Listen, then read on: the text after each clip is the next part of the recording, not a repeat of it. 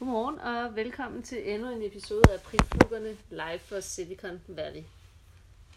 I dag skal vi snakke om kvalifikationer versus kompetencer, fordi min krasbørstige officersven Klaas, han har nogle synspunkter vedrørende dette, og vi syntes egentlig forleden dag, da vi snakkede om det, at det var ganske fornuftigt og også kunne forklare en hel masse ting, der sker i det danske samfund. Ja, og nu, nu vil jeg så forsøge at tage definitionen, så at du ikke pritflukker helt i det og får det galt i halsen. Øh, men det, som Klaas han meget øh, klogt påpegede, er, at øh, man kan jo både være kvalificeret, og man kan være kompetent, og at de to ting er to vidt forskellige ting, og de hænger ikke nødvendigvis sammen. Forstået på den måde, at, øh, at kvalifikationer, der kan man jo godt have taget et kursus i et eller andet, og så har man ligesom den kvalifikation. Hvorimod den reelle kompetence ligger i, at man går ud og har en erfaring omkring det, og kan bruge det, og rent faktisk ved, hvad det er, man gør. Så lidt ligesom når man tager kørekort, så får man først kvalifikationen, man har kørekortet, og så får man de reelle kørekompetencer, når man har kørt et stykke tid, og ligesom øh, har reflekserne, at det bare sidder på ryggen. Ikke? Og øh, sådan fungerer det jo også ude i, på arbejdsmarkedet, hvor at, øh, der er nogle mennesker, der har taget en masse kurser, men øh, så længe de kun har været på kursus, men ikke har fået implementeret det efterfølgende til dagligt, øh, så er det jo bare en kvalifikation, men ikke en reel kompetence. Og derfor kan man sagtens være øh, kvalificeret, men inkompetent.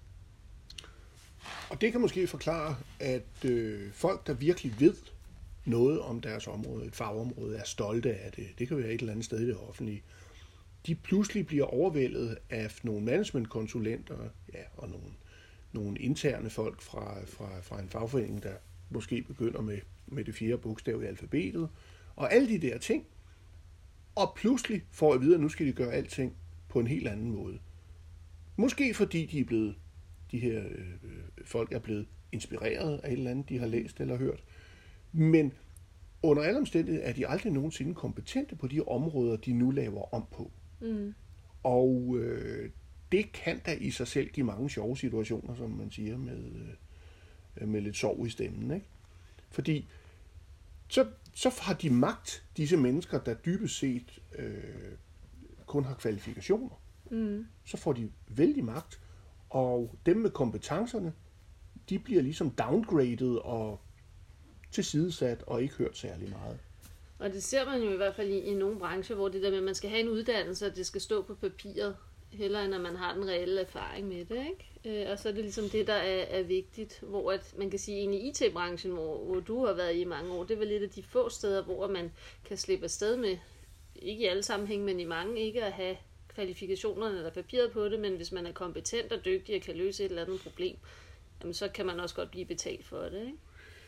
Ja, Men jeg har to kommentarer til det, som, som peger lidt i den anden retning. I slut 90'erne, øh, midt 90, midt 90'erne tror jeg, der var jeg ret fascineret af, at databasefolk, der arbejdede med den her Oracle-database i DSB, tjente 80.000 kroner om måneden.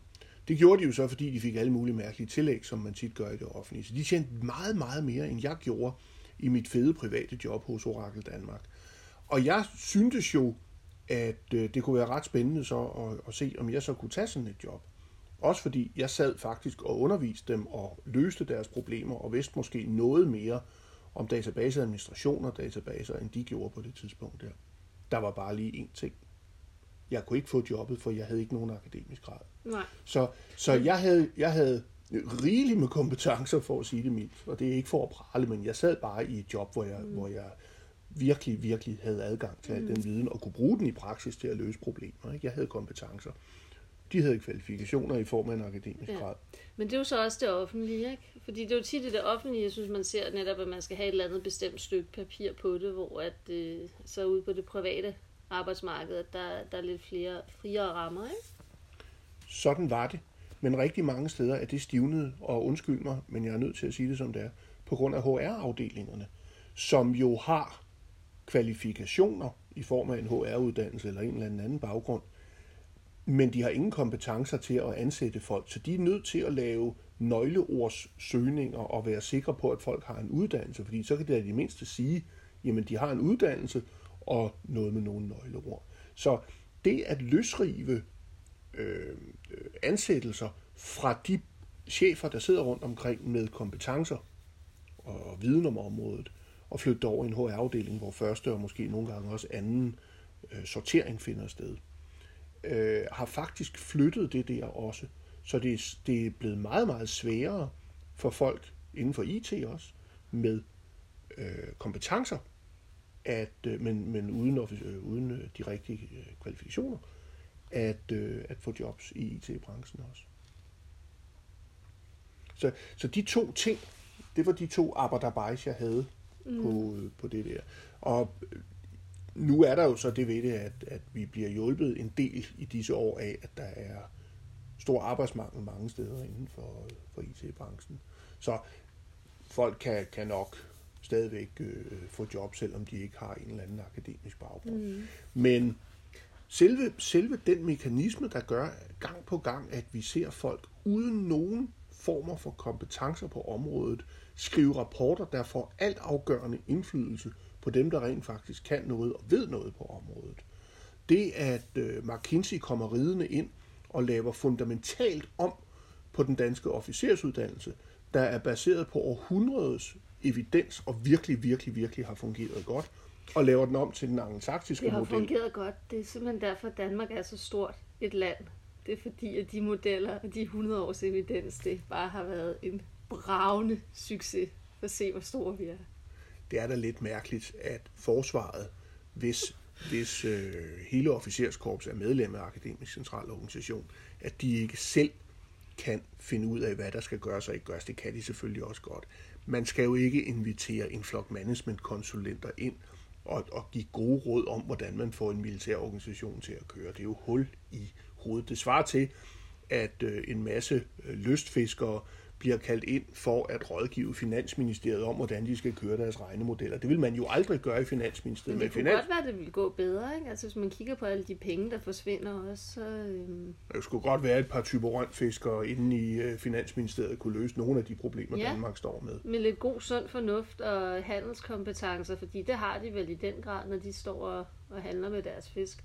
Det kunne godt være, at de kunne noget mere end dem, der bare havde kvalifikationerne så kan vi konkludere, at på de områder, hvor øh, CBS-drengene, politterne, djøfferne, de ja, rent faktisk har nogle kvalifikationer, der synes de jo ikke, at det er interessant at få folk ind til at rådgive dem, øh, hvis ikke de har de samme kvalifikationer på området. Altså, mm. der skal man virkelig være, være subject matter expert. Mm. Omvendt synes de jo, at de godt kan rådgive på alle andre områder, for mm. eksempel omkring fiskeri selvom de ikke har nogen kvalifikationer, sikkert ikke engang kompetencer på området. Men det er jo nok også, fordi du ved, hvor nemt det er at være klog på andres vegne, ikke?